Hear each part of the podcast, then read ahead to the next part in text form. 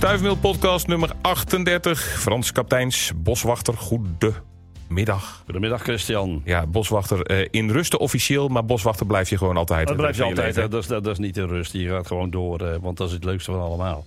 Om lekker buiten te zijn. En dan over heel Brabant be- bevind ik mezelf dan. Ja. Als van de week in de Oude Buis zei, dan denk ik, oh wat is hier ook weer mooi. En, vorige week zat ik in de Peel en denk oh wat is weer mooi. Zo elke keer is er wat. Juist, juist. En, en als iemand iets doet wat niet mag, hoef jij je dus er niet meer op aan te spreken. Nee, dat moest je vroeger nee. altijd wel. Nou, nou, doet het als soms wel Als ik een loslopende hond zie, dan Ja? geef ik de mensen toch altijd zoiets van... Beste mensen, die hond moet echt aan de lijn, want het zit in een natuurgebied. En nu zeker de bronstijd van de reeën begint. eh, hè, dus de reebokken zijn echt eh, bronstig aan het worden. Maar ook is heel veel jong grut. Er zijn heel veel bodembewoners. Ja, en als die hond overal doorheen loopt te sjouwen, dan zijn er een heleboel dieren. Die zijn zeg maar onrustig en, en, en kost allemaal energie. Zo zonde, houdt die hond gewoon lekker aan de lijn. En dan zeg je dat wel. Netjes. Juist, netjes, altijd. hè, want zo zijn we opgevoed natuurlijk. Hè. Eh, in deze aflevering gaan we het onder meer over de specht hebben. Ja, absoluut. Maar ook, daar gaan we eens maar eens even mee beginnen, lichtjes in het donker. Ja, inderdaad. Ja, dus, eh, als je zo in die Brabantse natuur bent en ook als je s'avonds erin bent. En dan kun je vaak met de boswachter mee in de avondwandelingen. Dan kom je af en toe heel bijzondere dingen tegen. Ehm, nou, en misschien moet ik even een, een sprookje weghalen voor heel veel Een mensen. sprookje. Want, ja. want heel veel mensen kennen de, de, de zwam elfenbankje wel. Dus Dat zwam wel, elfenbankje. Dat kent bijna iedereen. De elfenbankjes kent bijna iedereen. Ja. En waarom hebben we nou die naam elfenbankjes gekregen? Want dat is natuurlijk wel heel grappig. Waarom noem je nou zoiets een elfenbankje? Ja, dat ja. heeft ermee te maken dat voorheen mensen liepen dan in het bos. En dan zagen ze in de verte lichtjes branden. Ja. En dan kwamen ze op de plek waar ze waren. Eh, waar die, ze dachten dat die lichtjes waren. En dan zagen ze een, een, een klein paddenstoeltje aan een boomstam zitten. Ja. En dacht zo kan nou toch. Ja, daar moeten vast en zeker elfjes geweest zijn die die bewegende lichtjes zijn geweest. En die hebben even gerust eh, op deze mooie paddenstoelen, oftewel zwammen. Nou, niets. eh, ja, is het leuk. Blijf het zo houden, mensen. Blijf het zo houden. Maar wat het werkelijk is. Oké, als, je, als je dit wil, zo wil houden, even je oren dicht. Ja, 10 precies. seconden. Ja, En precies. voor de andere mensen? Ja, want in- eh, als je in, in zo'n bos loopt, een bos is nooit een mooie rechte, eh, zeg maar horizontale lijn Nee, nee. waarover je loopt. Want er zit altijd beweging, omdat je dan in een kuiltje stapt, dan weer omhoog gaat, dan weer een kuiltje stapt. Dus jouw jouw horizon beweegt eigenlijk constant op en neer. En eh, zeg maar, die elfenbankjes, dat zijn dus paddenstoeltjes of zwammetjes die fosfor in zich hebben. Ja. En dat geeft dus licht. En Juist. dan lijkt het net of dat zeg maar, daar een elfje rondgezweefd heeft. Oké, maar de beweging maak jij zelf. dat maak je zelf. Maar het geluid komt wel van die paddenstoel. Nee, nee, licht. Het licht, het ja, licht komt van de paddenstoel. Ja, Ja, komt ja. van die zwam. Elf. En daarmee is het dus elfenbankjes. Maar er is meer licht in het, eh, in het donker, in het bos. En dat zijn dus, ja, wat wij noemden dat vroeger allemaal vuurvliegjes en glimwormen. Ja. En, en ze zijn, het is bijna klaar met die beestjes, want ze zijn dus nu bijna klaar. Maar eigenlijk zijn het helemaal geen wormen en zijn het ook absoluut helemaal geen vliegjes, maar zijn het kevers. Kevers. Ja, het zijn kevers. Alleen het, het, het mooie ervan is eh, dat de mannetjes eh, eh, van deze dieren, die hebben wel, we kennen er drie in, eh, in Nederland, die hebben dus wel vleugels. En die hebben dus wel, zeg maar, die kunnen dus wel vliegen. Ja. Maar de vrouwtjes niet. En die vrouwtjes, die hebben geen vleugels en die hebben ook geen pootjes. En dan lijken een beetje op, eh, zeg maar, wormen. Maar het zijn dus eigenlijk een beetje larvenachtige volwassen diertjes.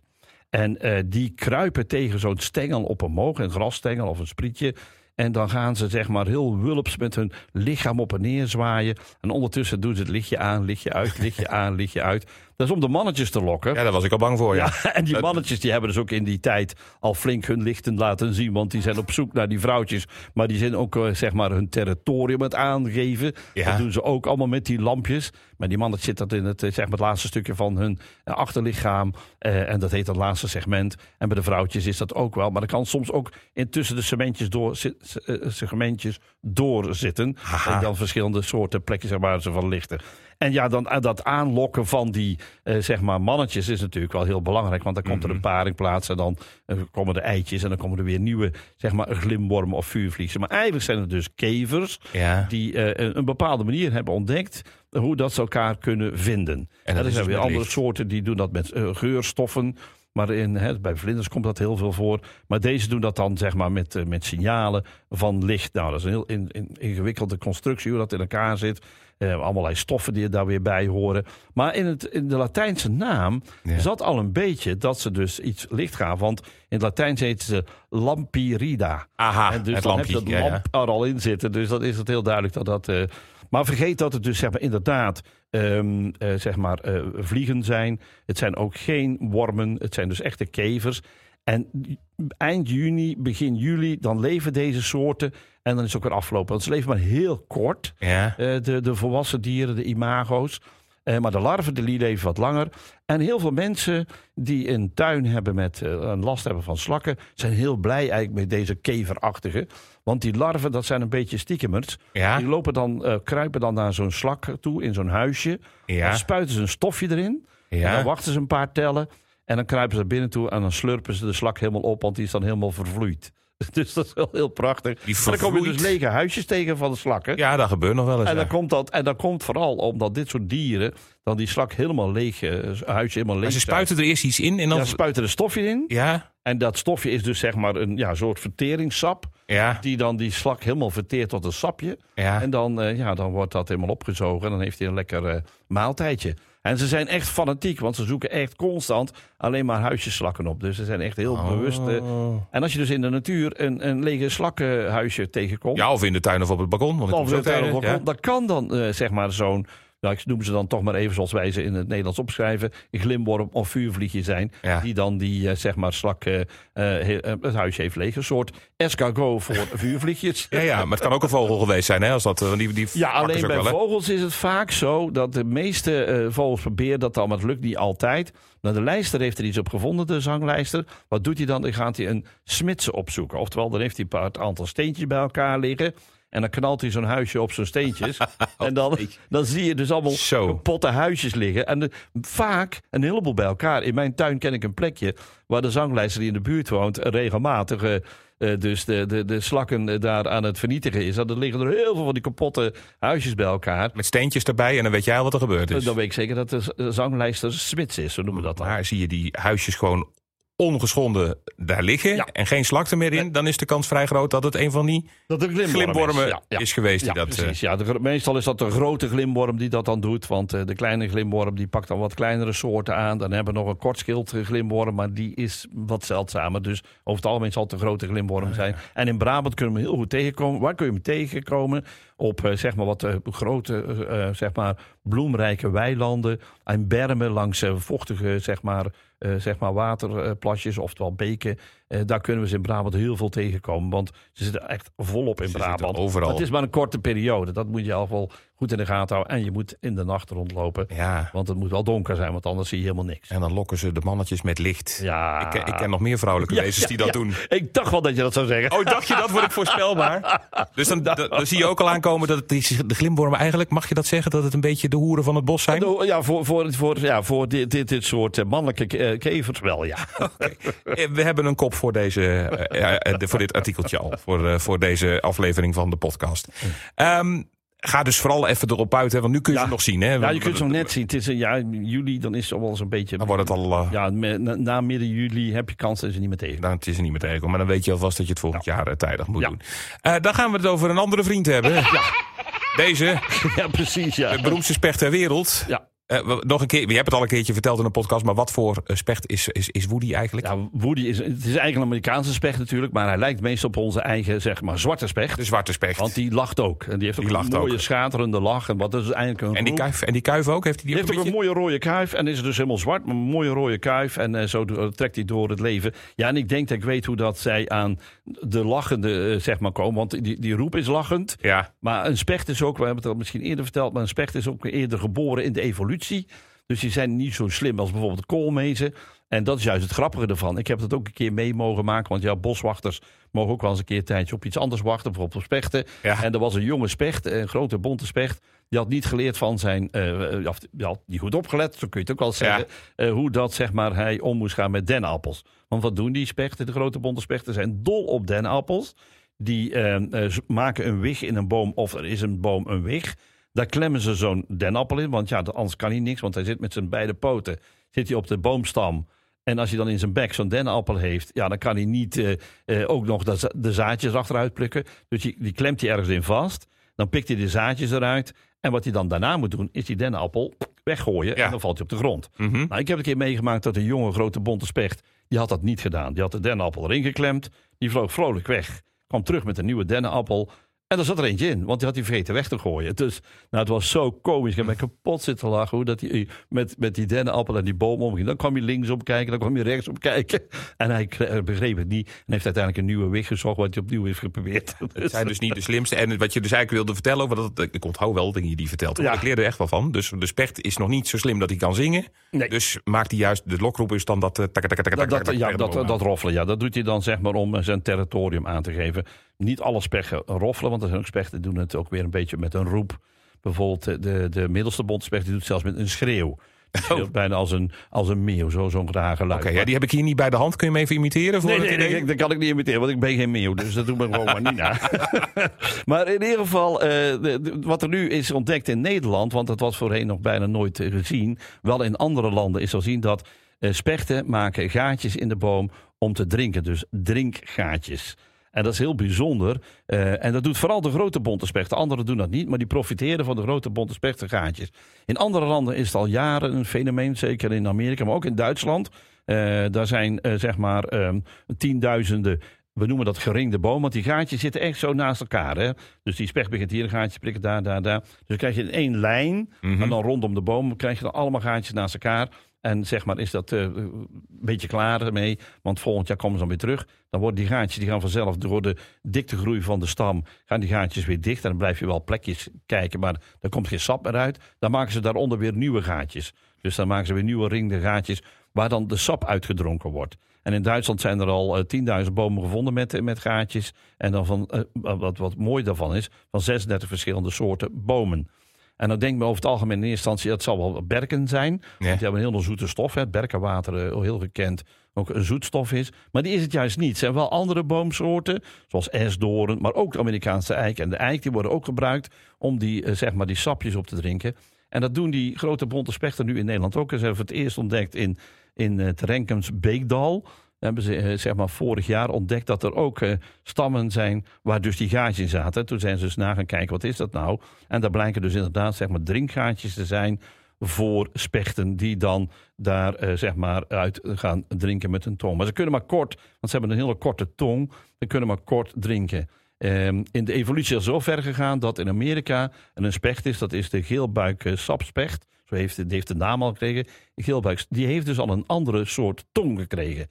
Die heeft een tong gekregen met uh, borstelhaartjes op het einde. Die kan dan veel langer gaan likken aan die sap. Omdat hij die haartjes kan hij gewoon die, die sappen binnenlikken. Onze spechten hebben een spitse tongetje. Dus ja. kun je maar elke keer een klein beetje pakken. Dus die hebben maar een klein beetje. En dan kunnen ook niet eens alle spechten. Want sommige spechten kunnen dat dan ook niet. Maar die, die, die hebben dan weer het voordeel van dat die gaatjes zijn. Als ze een beetje vol staan, dan kunnen ze daar van het vol gaatje kunnen ze dan likken. Waarom doen ze dat nu? Want dat is natuurlijk de grote vraag. Ja, er zijn um, ja, de ecologische factoren zijn er ongeveer vier waarom dat ze dat mogelijk doen. Um, en, en, en, je ziet dus echt dat het ook elk jaar uh, voorkomt. Um, en dat is, dat één, uh, situatie. Dus nu in Renkensbos, uh, Beekdal hebben ze het eerst ontdekt. Waarschijnlijk zal het in de rest van Nederland ook zeg maar doorgaan. En zullen in de toekomst meer van dit soort bomen ontstaan met al die mooie gaatjes erin. Um, ja, het komt dus elk jaar voor. Dat, dat, dat begint het al uh, te worden komen. Want het is de vraag waarom nu uh, daar altijd het te zien is. Nou, dat is al die gaatjes, ja. Ja, dat is waarschijnlijk omdat het dus uh, de droogte een rol gaat spelen. Dat zou kunnen. Um, het kan te maken met gebrek aan dierlijk voedsel. Dat er te weinig ja, zeg maar dierlijk voedsel binnenkomt. Want die suikers die ze geven, dus ook echte. Er zit ook mineralen in. Dat is ook een soort voedsel. Het is niet meer een, een, alleen maar water. Het is een soort ja, moet je dat nou zeggen, zo'n zo'n zo'n drankje, want je mag het klaarmaken. Die ja, doe maar gewoon. Jonge, jonge mensen ook wel eens uh, drinken om wat meer uh, energie te krijgen. Dus energiedrankjes. Ja. Uh, dat zit er ook in. Hè. Dus er is een energiedrankje voor zo'n specht. het is verder dat er dus door bijvoorbeeld vorst weinig zeg maar water is, sowieso weinig water is. Ja. En ook zeg maar waarschijnlijk omdat de spechten ehm, behoefte hebben aan een, een, een, een iets waar, wat, wat, wat heel erg leuk is, is dat zij uh, door middel van die gaatjes te maken, die sapjes eruit te laten komen, dat mieren dat ruiken en dat mieren erop afkomen. En mieren is dus het voedsel voor in ieder geval zwarte specht, groene specht, maar ook voor de grote bonte specht. Ah, dus ze hebben dus dan vier reden. dingen waarom dat ze dus die gaatjes waarschijnlijk maken. Ja. Nou ja, goed. Uh, uiteindelijk, uh, als we kijken waar, waar, de, waar, de, waar de spechtersoort die wij kennen, is er dus maar eentje van die dat doet. Dat is de grote bonte specht. Uh, we hebben nog meer de middelste bontespecht, de kleine bontespecht, de zwarte specht en de groene specht. Eh, maar die doen het allemaal niet. Maar die zijn wel heel blij met die grote bontenspecht als hij als die dat dan doet. Want dan kunnen zij ook van dat beetje drinken kunnen zij eh, zeg maar ook van die mieren genieten die dan ook op die eh, zeg maar eh, sapstroompjes afkomen. Ja. Eh, leidt de boom eronder? Nee, de boom leidt er helemaal niet onder, want het is minimaal wat ze eruit halen. Als je naar een volwassen berk kijkt, bijvoorbeeld, maar ook een volwassen zeg maar grote eik, ja, die heeft echt honderden liter waters per dag wat hij op en neer pompt.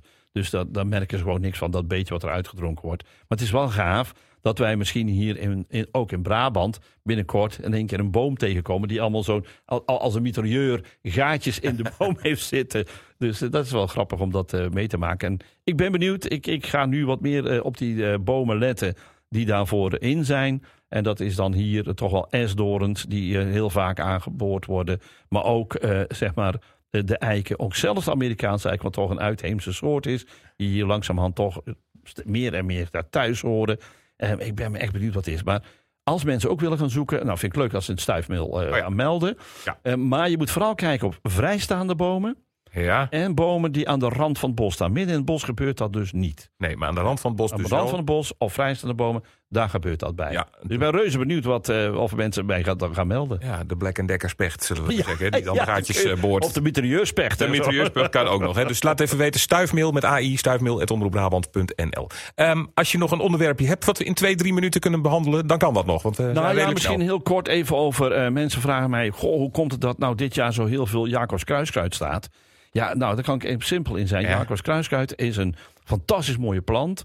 Die, ehm, ehm, Hoe ziet het eruit voor de mensen die ja, dus een gele weten? plant. Een vrij Ja. hoge, mooie gele plant met gele Ja. bloemetjes. Eh, bladeren zijn wat, er zitten wat gaatjes in de kanten in. Eh, er komt een heel mooi vlindertje uit, want er zit er vaak een mooie zebra-rupsel. Die is geel-zwart. Ja. En het komt vlindertje heet Sint-Jacobsvlinder. Een prachtig mooi vlindertje. Mhm. Ehm, maar dit jaar is hij heel veel gaan groeien. Dat heeft waarschijnlijk te maken met een aantal kleine oorzaken. Een van de oorzaken is dat steeds meer mensen in het buitengebied paarden gaan houden. En die paarden gaan ze houden op kortgrazige graslanden. Dat betekent dus dat er open stukken gaan ontstaan. En eh, in, in die verpaarding, zo noemen wij dat ondertussen Verpaarding. al. Verpaarding van het landschap. Paarding, dat woord had ik nog nooit gehoord. Oké. Verpaarding van het landschap. eh, gaat er dus die paarden die trappelen zo'n kortgrazig landschap een beetje kapot. Er komen wat zandplekken vrij. Ehm, en daarin komt dus deze Jacobs Kruisgat, want het is een pionier van ons zandgrondgebied. Dus je komt altijd mee als eerste op als er iets kaal is. Dus als dat ook nog een keer kort gras is, plus nog een keer kapot getapt kort gras. Ja, dan betekent inderdaad dat zeg maar, die Jacobs Kruisgat daar feestelijk omhoog gaat komen. En dit jaar is het enorm veel. Is Jacobs Kruiskruid gevaarlijk? Nee. Ehm, alleen wel als het in hooi zit. Dus ik raad iedere zeg maar, man aan die ooit gaat hooien. Ga niet Jacobs Kruiskruid in je hooi neerzetten. Want dan is het dan gevaarlijk. Dan ruiken bijvoorbeeld paarden niet dat er Jacobs Kruiskruid in zit. En dan kunnen ze behoorlijk ziek zelfs tot dood aangaan. Oeh. Dus dat is helemaal niet goed. Maar ik, als je ziet waar ze staan, dan is het eh, slim om dan niet te gaan maaien. Maar aan de andere kant zeg ik ook, beste paardenliefhebbers, zorg er nou eens voor dat die paarden op een grotere ruimte staan. Want als de ruimte klein is, ja, dan wordt alles kortgrazig eh, ge- gevreten door die beesten. En gaan ze trappelen. En zorg er dus voor dat als je paarden hebt, waar je ook zit, in welk gebied je ook, dat je een zandbak hebt voor paarden. Want paarden willen graag in het zand rollen. En als je geen zandbak hebt, dan probeer je het zelf te maken. Nou, Ja, weer wat tips voor de mensen die eh, zorgen dat Brabant aan het verpaarden is. Weer een woord geleerd, zeg. Ongelooflijk. Ehm, als je wil reageren, dan kan dat dus via stuifmail aan met AI. Stuifmail.omroepbrabant.nl En behalve deze podcast die je kunt beluisteren... eh, je kunt ook alle eerdere afleveringen beluisteren. Hè, dat kan, want die staan hier allemaal bij. Eh, doe dat vooral, want alle, alle verhalen blijven natuurlijk actueel. Natuurlijk. Eh, maar je kunt ook eh, even de potwalks met Frans Kapteins opzoeken. We hebben er een aantal online staan. Dan kun je met ons aan de wandel. En dan kun je eh, met in de oortjes ook nog horen wat je allemaal tegenkomt. Frans, tot de volgende weer. tot volgende.